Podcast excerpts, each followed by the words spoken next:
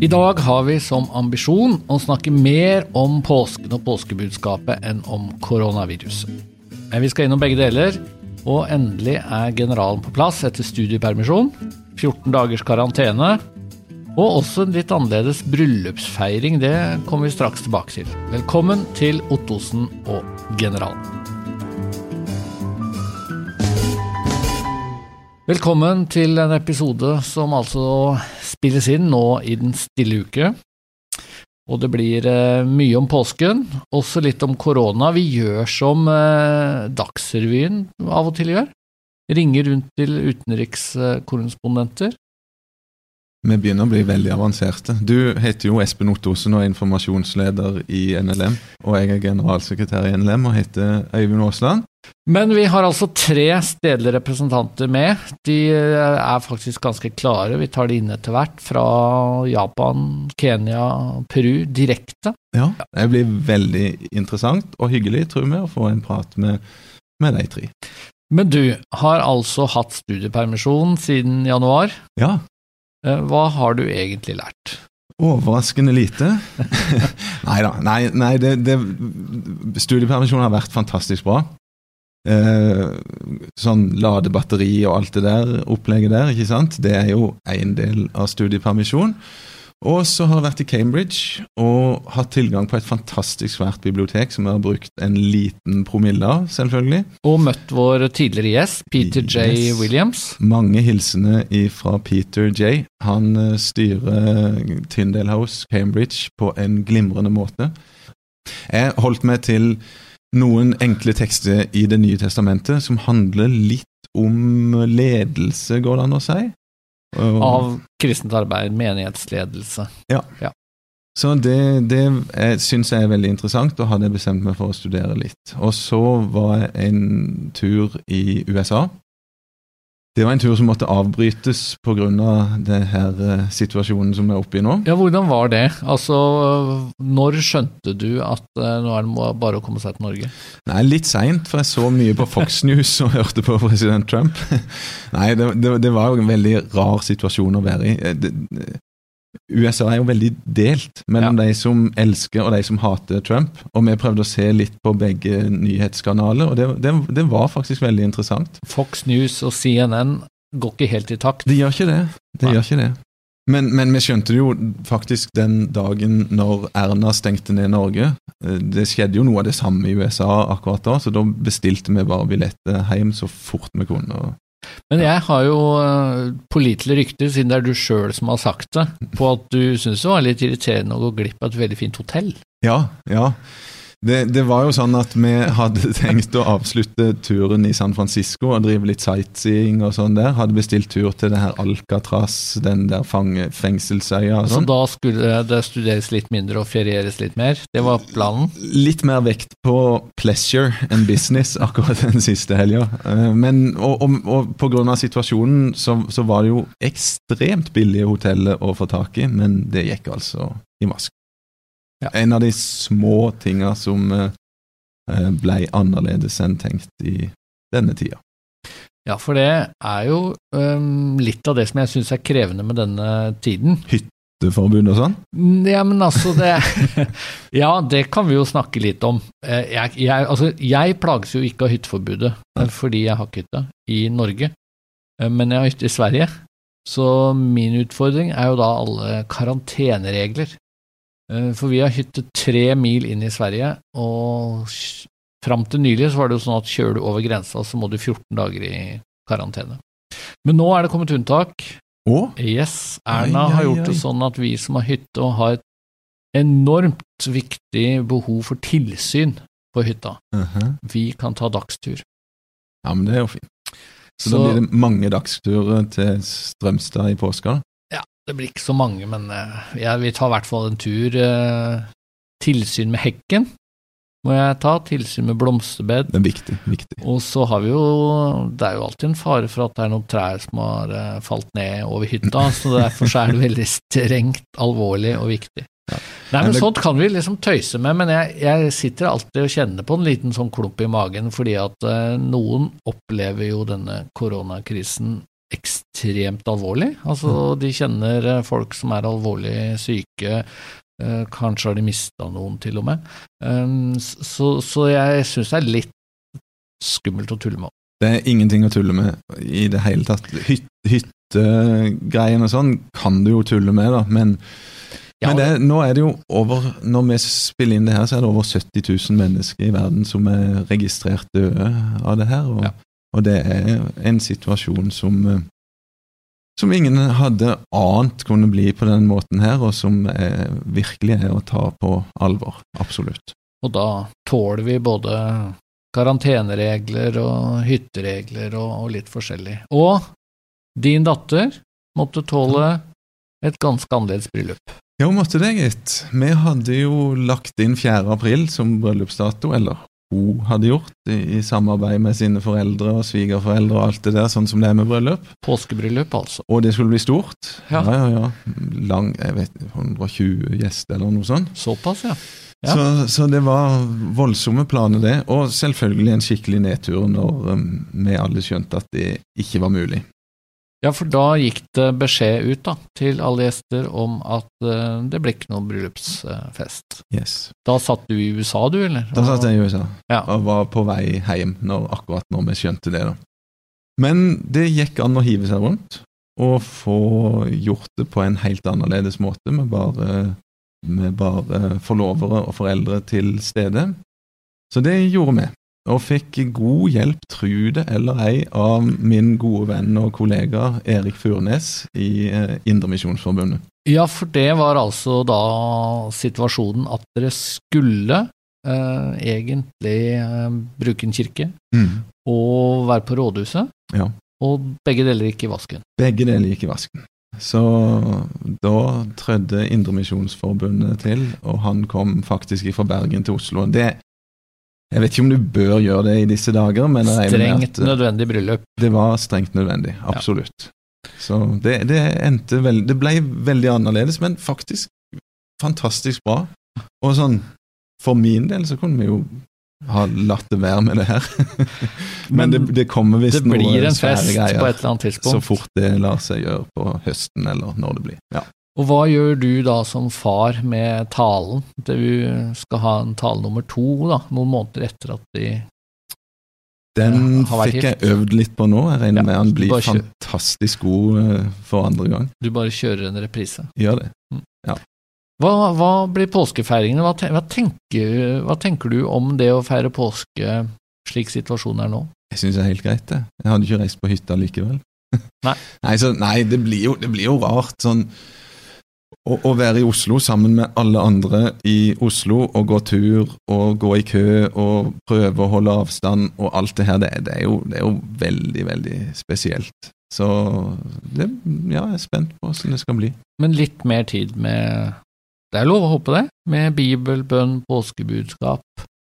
Hadde vært fantastisk hvis denne påsken faktisk for en del ble enda mindre hyttepåske fordi det ble enda mer eh, bibelpåske, da, hvis man kan si det sånn. Det håper vi kan bli et resultat av det her, og det kan vi jo snakke litt mer om etter hvert. Skal vi rett og slett ut i verden? Det gjør vi. Ta en tur.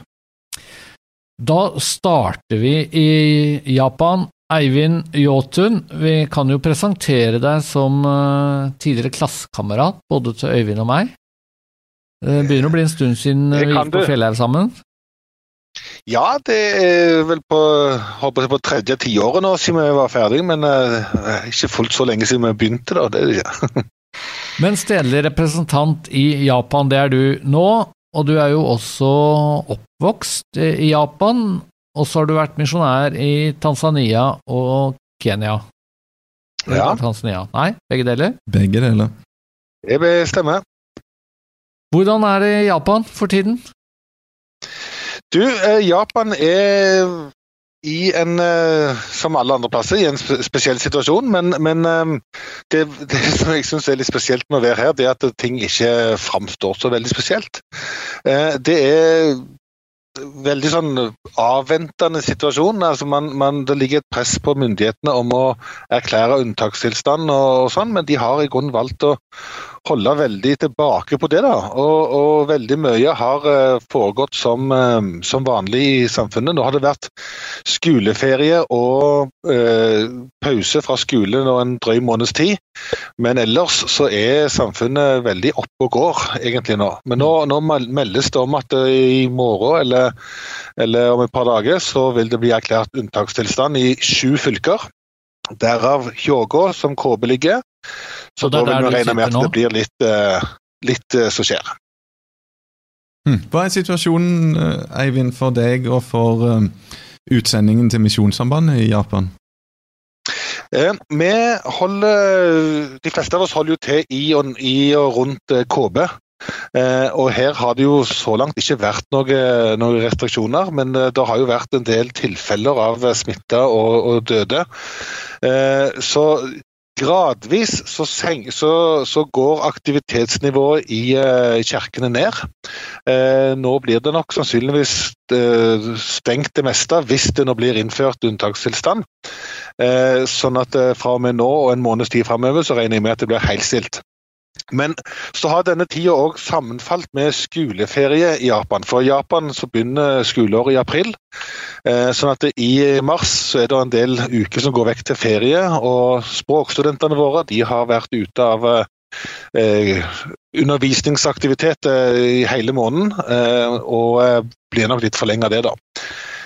For de som bor utafor KB, altså i eh, Okayama og i, eh, ja, i Matsue, Akko, så er det eh, litt mindre restriksjoner. Og der har aktiviteten foregått noenlunde normalt en periode. Blir det påskegudstjenester på, på deg, tror du? Nei, ikke, på, ikke i, fysisk i ei kirke, det gjør det nok ikke. Mm. Eh, fordi at her i KB så blir det eh, stengt ned, vil jeg tro. Eh, og jeg ser jo også at flere av de utenfor KB òg planlegger å ha sånn videooverførte gudstjenester og sånn. Så, så, den ideen den har spredt seg til Japan òg, og fungerer ganske bra mange plasser, har jeg inntrykk av. Hmm. Et litt dumt spørsmål, Eivind, sikkert. men eh, Hvordan merker du at det er påske i Japan sånn eh, vanligvis, da? Til vanlig så merker vi ingenting. Det, det, hvis ikke vi har kalenderen og tar ansvar for å merke det sjøl, så er det ingen som hjelper oss til det. For eh, er, samfunnet jo, har jo null eh, fokus på, på påske. Eh, kirkene de, de, pleier ofte å ha en eh, spesiell feiring på påskedag. Eh, men jeg syns japanske kirker er egentlig ganske flinke til å markere søndagen til vanlig òg. Mm. Sånn at eh, den helt store forskjellen blir det ikke. Eh, de gangene det er mulighet for det, så prøver de å legge opp til dåp på eh, påskedag. Det er en veldig, veldig, vanlig og veldig kjærkommen anledning for å feire. Så, så det, det, skjer når det er anledning for det. Men langfredag f.eks., som jo på mange måter er en av de aller viktigste helligdagene, vil jo nordmenn tenke. Eh, mm. Helt vanlig fredag i Japan. For, for, japanere flest, ja. Det er det. Og, og uh, japanske kristne som jobber i vanlig sekulære yrke, de, de, har en helt vanlig arbeidsdag. Og, og um, i den grad det skal være noe aktivitet, så må det være på, på kveldstid, ettermiddagstid i, i, i kirkene. Uh, men de samler mest av fokuset på, på påskedag. Det gjør de. Du, Kjempeflott, Eivind, at vi fikk en rapport fra Japan kan du bare si hva klokka er der? Vi syns jo det er litt sånn gøy når vi etter hvert nå skal hoppe til en helt annen tidssone. Ja, nå er klokka halv ti her ute om kvelden. Ja. Da får du etter hvert ha en uh, god natt, og så går vi til ja. Kenya. Hvor... Så må du hilse veldig mye, Eivind, til ja. alle kirkeledere og misjonærer og alt som du møter på din vei. Hilse mye ifra oss og ifra mange i Norge som følger godt med på alt som skjer. Takk for det. Ha det godt. Morten Egeland i Kenya. Du, eh, det er vanlig, jeg holdt på å si det er vanlig norsk tid nå i Kenya? Omtrent. Nå er klokka halv fire på ettermiddagen, så nå er snart arbeidsdagen over.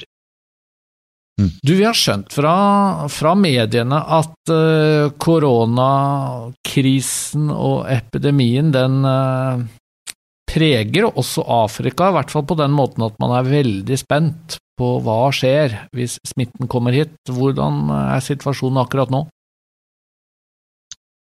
Ja, det er spent. Eh, det er klart, De frykter jo veldig med de store slumområdene man har, eh, ja, som her i Nairobi, med opptil en million eh, folk som bor tett i tett.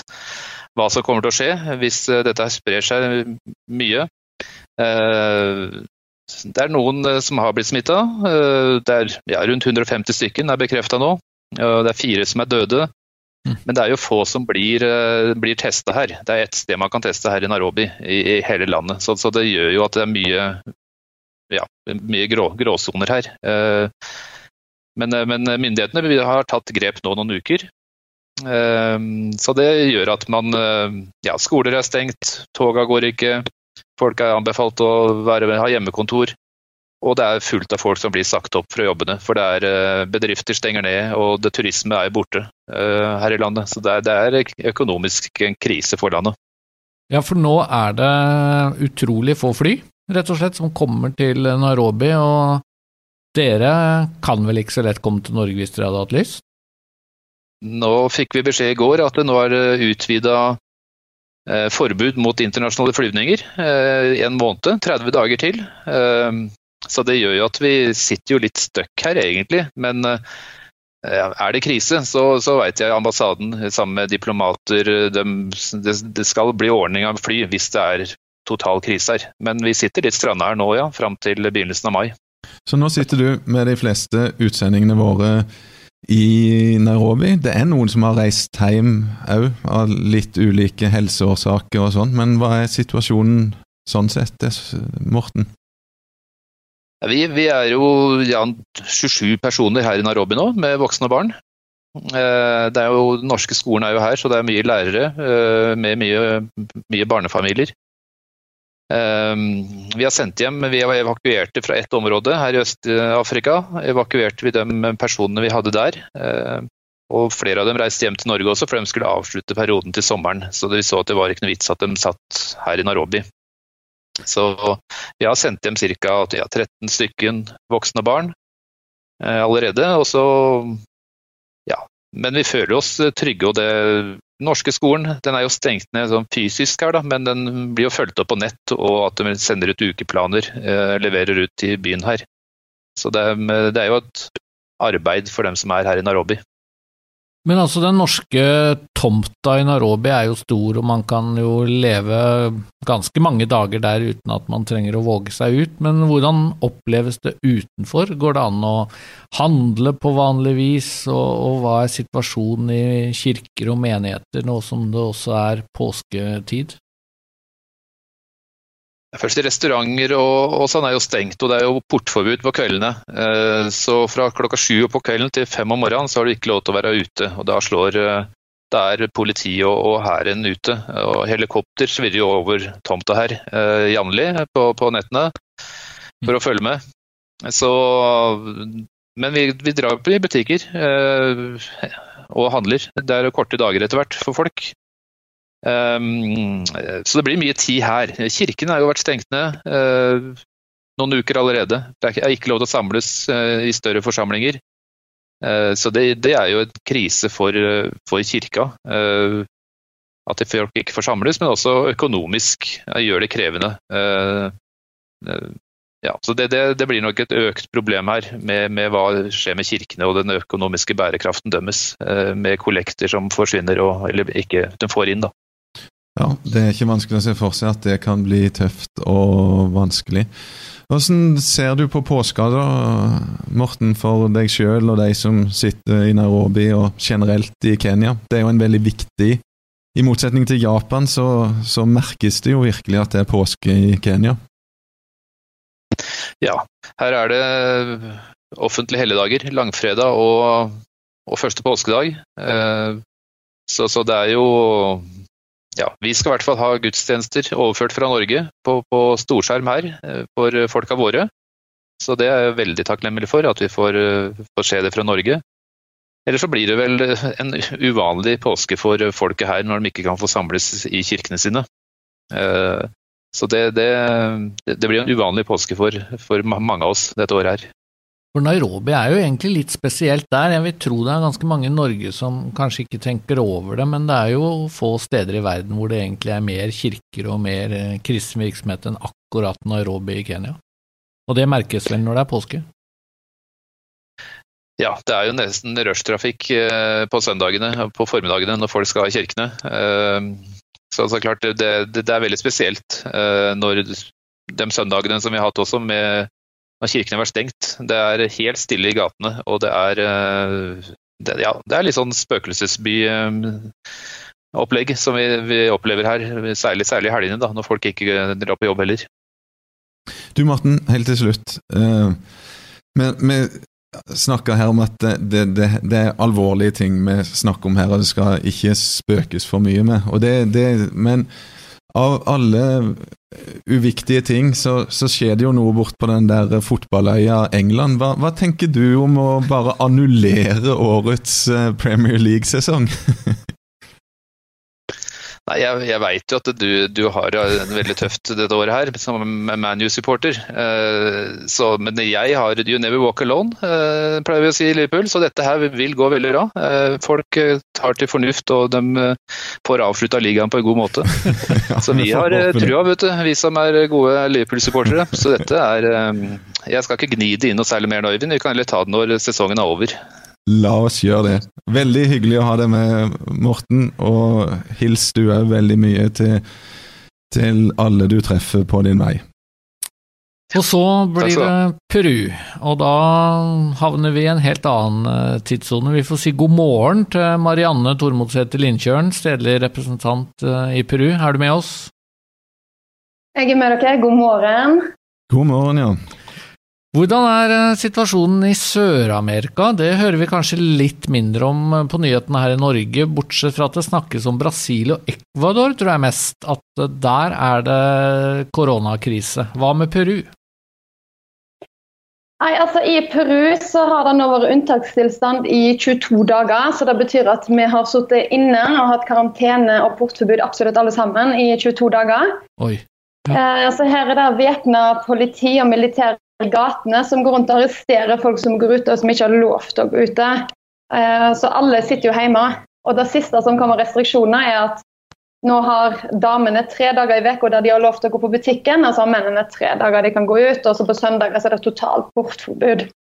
Så her skjer det på en måte veldig lite fordi alle sitter hjemme. Men hvordan eh, helt praktisk dokumenterer man at man har lov å gå ut og, og bare tre dager? og det må bli ganske mye sånn byråkrati og papirer og sånn, da?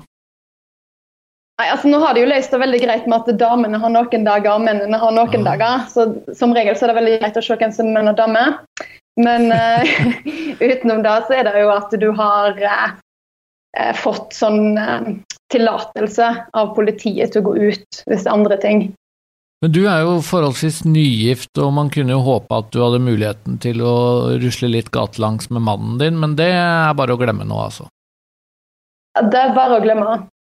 Men jeg har hørt at uh, det, noe av det flotte som skjer i den situasjonen her, er jo at det blir mye kreativitet, og folk er sammen på andre måter. og Der ligger det ganske godt an i, i eh, Peru, har jeg hørt. Ja, altså Her må en jo bare være kreativ, da, siden alle sitter alene og vi har ingen stor, ikke noe stort område å være på. Eh, så sånn I misjonærfellesskapet da, så har vi, begynner, har vi nå en yatzy-turnering gående, som er veldig artig. I tillegg så i går så hadde vi kirkekaffe på Teams, som fungerte veldig bra. Så vi får jo fellesskap. Og så ser vi også at kirka i Peru og kirka i Bolivia har eh, veldig mange sendinger på Facebook hele dagene. Så det er på en måte masse som skjer allikevel. Så kirkene har da valgt, eh, stort sett det vi også gjør i Norge, om å få ut eh, gudstjenester og, og den slags på internett, da. Mm. Hva med påsken? Hva, hva, regner dere med at uh, skal skje?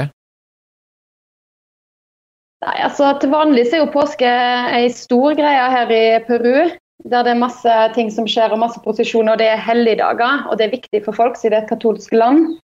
Nå blir det jo veldig rolig, og folk kommer til å sitte hjemme. Eh, men mange kirker legger det opp til gudstjeneste på Facebook, da.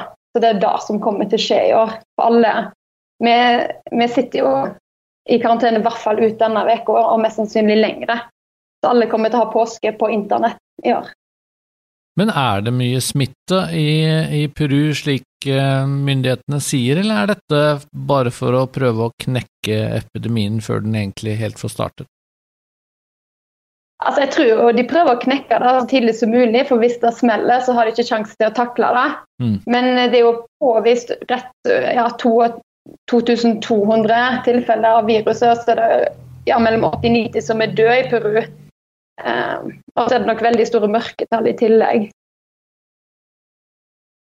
Veldig fint å ha deg med, Marianne, og vi ønsker deg og dine òg alt godt for påska. Så må du hilse veldig mye, du òg, til eh, alle vi kjenner, og de vi ikke kjenner fullt så godt som du har rundt deg, og så håper vi det blir ei velsigna god påske i Peru.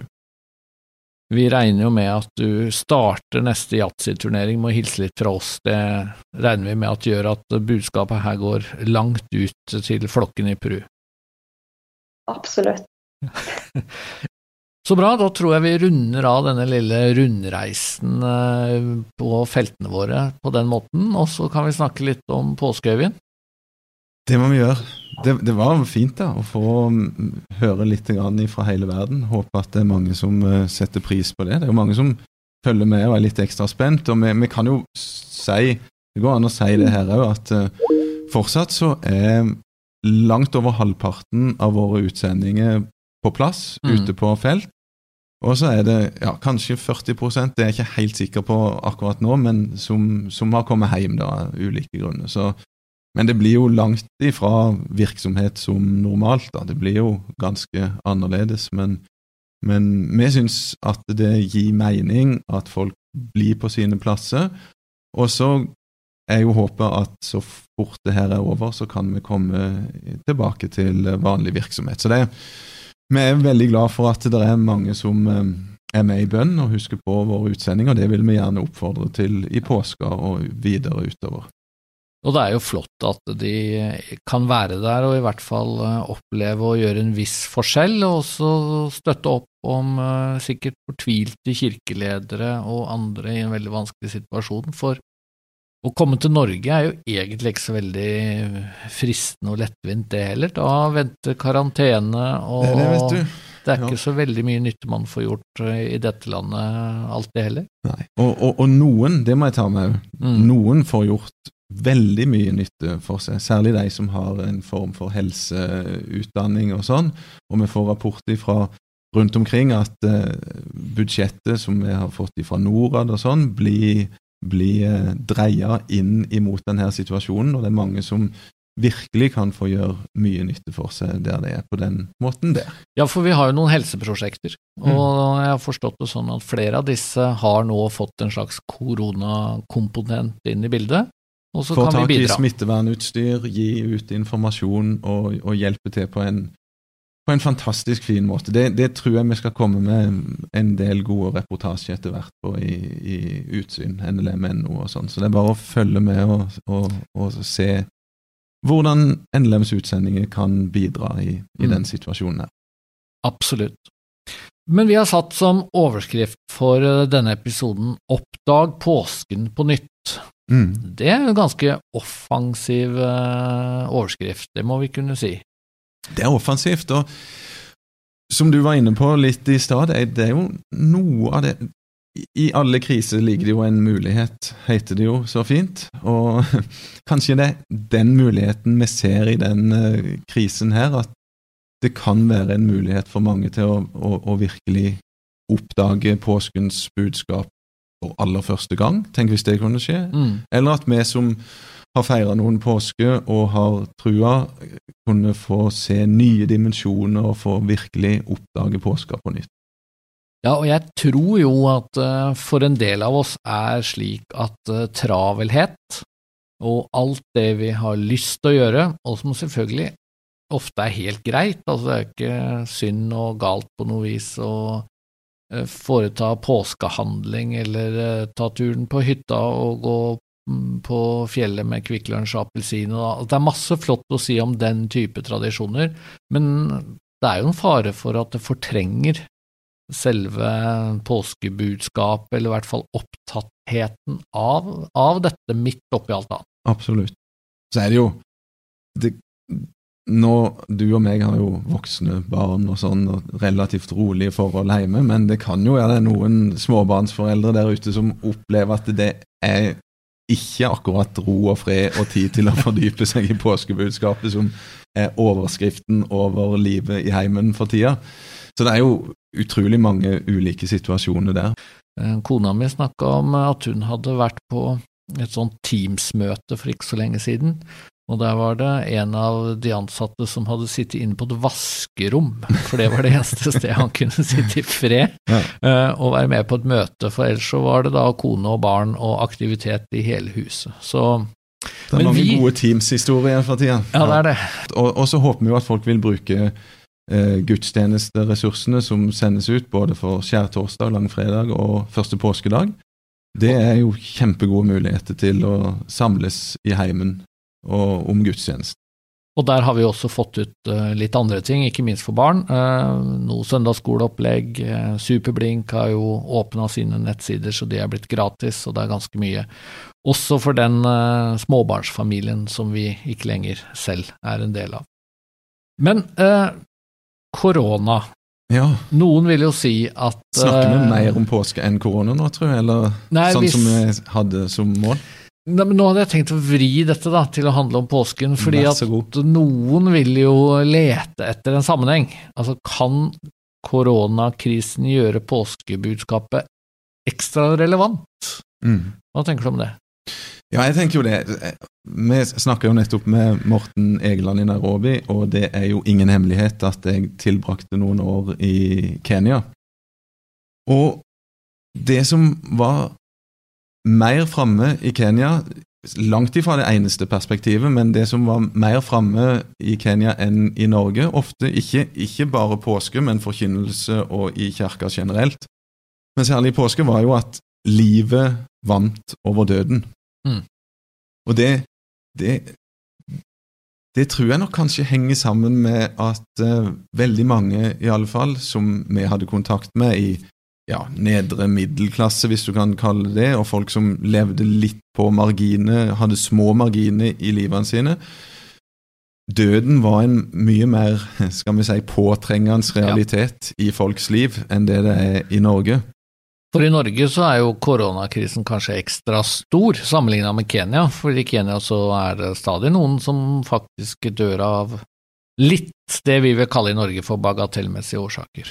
Ja, og du har malaria som, eh, som er en fryktelig realitet i Afrika, tar mange liv Mm. hvert år, og, og folk har ikke råd, selv om, om det er en sykdom som de kanskje kunne fått behandling for, så er det veldig mange, urovekkende mange, som ikke har råd til den type behandling og sånn. Så, så folk er overgitt til Gud, da.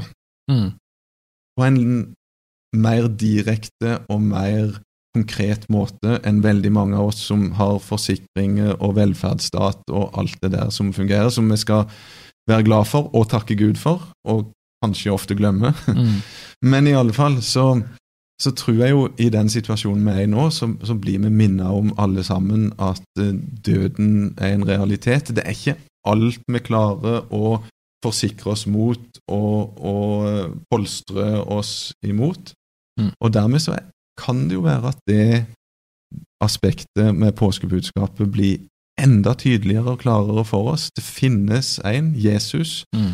som gjennom sin død og sin oppstandelse overvant eh, døden. Mm. Det er et sterkt og godt påskebudskap som vi alltid snakker om, og som kanskje kan tre fram litt sånn ekstra klart for oss den påska her. Det, det er mitt uh, håp også. Og jeg tenker eh, det er ganske interessant med dette koronaviruset hvor, hvor lite det er, og likevel hvor enorme konsekvenser det kan få. Jeg hørte en eller annen forsker eller noe sånt som forklarte at hvis du liksom ser for deg at det huset du bor i, eh, det ser vi for oss at har et større, er på størrelse med et sandkorn. og så går du ut av det huset, og så finner du koronaviruset, da er det koronavirus på størrelse med en golfball eller annet sånt. Så lite er det, Mm. forklarte denne forskeren. Og det har fått meg til å tenke at hvor utrolig sårbare vi mennesker er. Altså at noe så ufattelig lite kan sette hele verden eh, på hodet.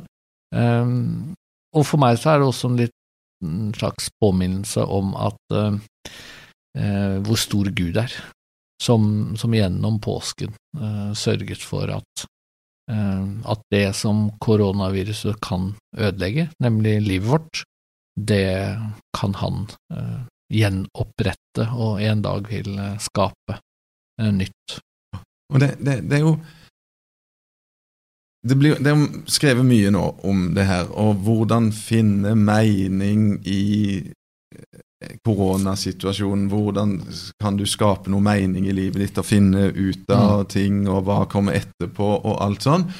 Og, og, mye av det er jo ikke noe annerledes for kristne enn for andre. Det det er like strevsomt for småbarnsforeldre å få ting til å gå i hop nå for tida, og vi vet like lite om situasjonen etterpå, Mm. og vi er like utsatt for smitte som alle andre og sånn.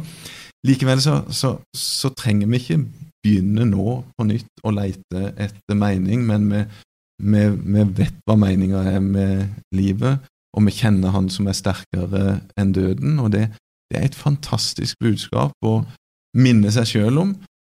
Og så har jo vår samtale gått litt på sånn vil, vil folk søke Gud i større grad nå Mm. enn tidligere, eller vil det bare føre til at folk Nei, hvis, hvis det finnes en Gud, så må han jo være ond, som lar noe sånn som det her hende. ikke sant? Det er litt eh, Det blir jo interessant og, og, og veldig avgjørende Mm. for oss som driver misjon. da, Kan vi formidle mening inn i det her? Kan vi formidle en Gud som er nær og bryr seg i en sånn situasjon? Men både både du og jeg har vel egentlig opplevd, altså jeg fra Peru, du fra Kenya, om at, at mennesker stort sett eh, opplever troen og Jesus enda mer relevant når livet er tøft enn når livet er greit. Eh, det er eh, faktisk ganske sjelden i slummet at mennesker sier hvordan kan det være noe Gud når det er så mye vondt i verden? Eh, Faktisk, da.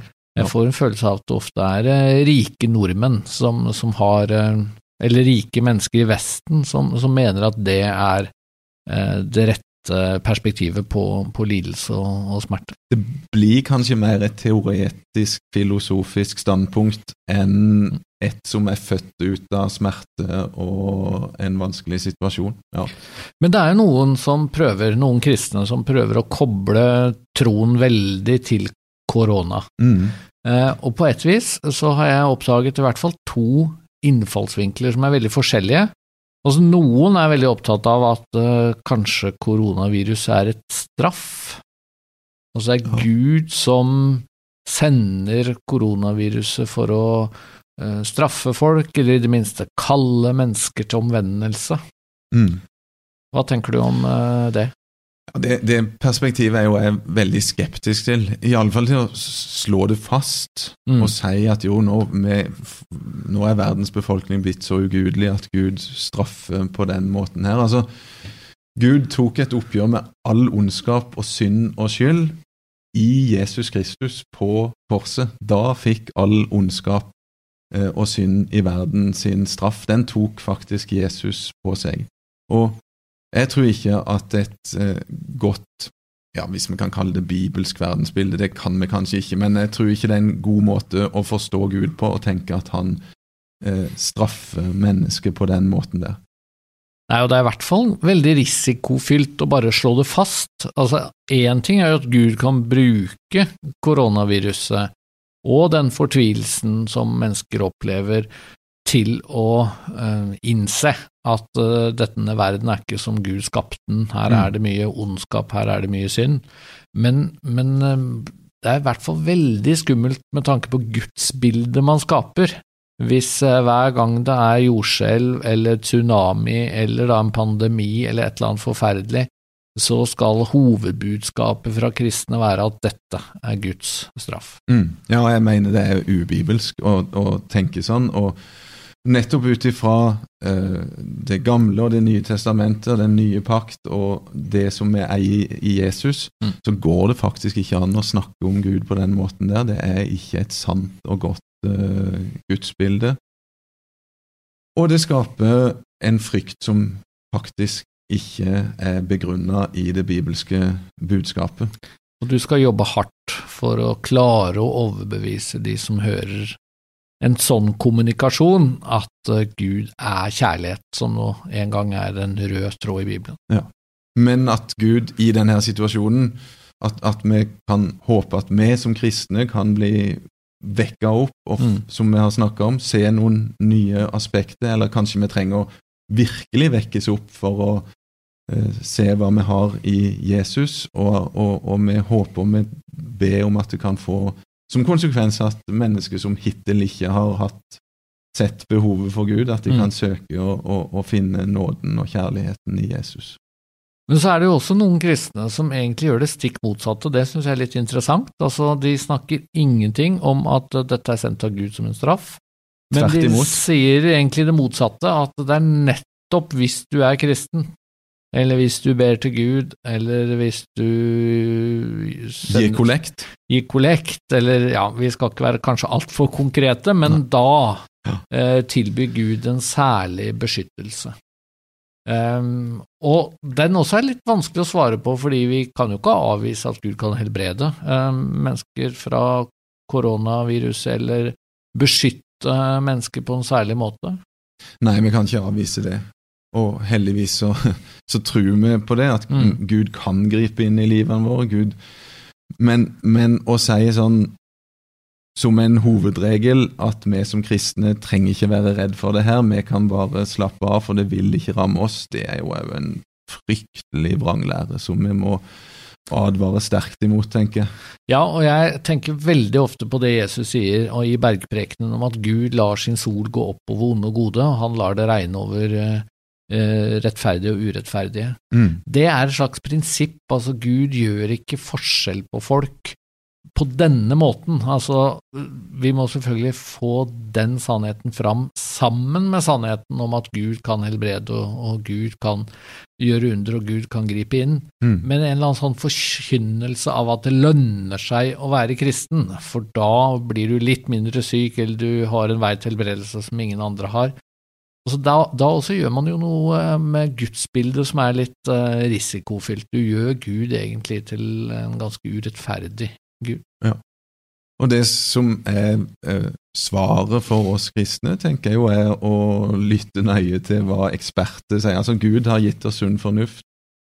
Og Gud har eh, Mm. gitt noen veldig gode hjerner, så de kan forske og gi oss kunnskap om hva som er lurt å gjøre i en sånn situasjon. Så, så med, vårt råd er jo å følge de rådene som helsemyndigheter gir, og på den måten vise nestekjærlighet og stå sammen med alle mennesker i kampen mot et virus som er ganske stygt, og som tar mange liv. Og sånn er det jo på alle områder. Altså Om du er en kristen bonde, så slutter du ikke å vanne eh, fordi du er helt sikker på at Gud sender det regnet man trenger, og så kan vi bare fortsette og fortsette på alle livets områder. Vi må ha plass til begge deler, både at eh, Gud kan gjøre ting på en annerledes måte enn vi ser og forstår, og han kan også gripe inn med under og alt det der, men vi er satt i denne verden for å bruke hodet vårt og ta ansvaret for, eh, for livet vårt på, på alle mulige områder. Det er veldig viktig å, å ha det perspektivet på livet, og ikke eh, tenke at vi har en slags paraply som skjermer oss mot eh, alt mulig, men at vi lever i verden under de samme kår som alle andre. Og, og, og nettopp derfor så blir jo det siste store budskapet så veldig sterkt og stort og, og, og fantastisk. Det, det håpet som vi eier, som har tatt imot Jesus, som, som døde, som sto opp igjen, som gir håp om et evig liv. Det er det som er eh, hovedbudskapet, ikke at Gud nødvendigvis eh, fikser eh, opp i livet vårt og gjør det litt bedre her og nå. Ikke det at vi får et bedre liv, men at vi får et evig liv. Eh, og jeg fikk lyst til å avslutte denne episoden med å lese noen få vers fra selve oppstandelseskapitlet i første Korinterbrev. Det syns jeg du skal gjøre. Det er flotte vers. For der står det jo sånn fra vers 14, er ikke Kristus stått opp, da er vårt budskap tom, og deres tro er også tom. Da står vi som falske vitner om Gud, for da har vi vitnet imot Gud når vi sier at han har oppreist Kristus, noe han ikke har gjort, hvis døde ikke står opp. For hvis døde ikke står opp, er jo heller ikke Kristus stått opp. Og så kommer det litt mer om det, og så, men nå er jo Kristus stått opp fra de døde, som førstegrøden av dem som er sovnet inn. Og dette begrepet førstegrøden høres jo litt sånn sært ut kanskje for moderne nordmenn, men det er jo på en måte det Paulus vil si, at når Kristus har stått opp, så var han først ute. Mm. Og vi som lever i dag, og som, de som levde da Paulus skrev dette, det er den neste grøde, altså det er, det er neste runde. Så nettopp fordi Jesus sto opp fra de døde, på samme måte har vi håp om at nøyaktig det samme skal skje for oss. Det er det som er så utrolig flott å få feire denne påsken her. Og bare husk på en liten ting. Når Paulus skrev det her, når, så, så, så, gikk det jo fortsatt an å sjekke med mm. øyenvitner som kjente Jesus, og som eh, visste at det var sant at han hadde stått opp. Det her er ikke et eventyr, det er ikke en billedlig ting som vi skal liksom tenke høres veldig fint ut, og vi kan ta med oss som inspirasjon i livet vårt, men, men vi tror at det er sant, og troverdig budskap at Jesus døde og faktisk sto opp igjen og lever i dag. Han viste seg for 500 søsken på en gang. Av dem lever de fleste ennå, men noen er sovnet inn, skriver Paulus her i første Korintbrev 15. Det er veldig sånn stilig formulering. No, de fleste lever fortsatt, sier Paulus, og det er altså 300 eller 350 mennesker eller noe sånt du kan spørre. Fritt fram, gå og spør deg om ikke det her er sant. Ja. Med det runder vi av. Takk for praten, Øyvind. Godt å ha deg tilbake igjen. Takk for det, i like måte. Fint å være her, og flott å få ønske alle en velsigna god påske. God påske.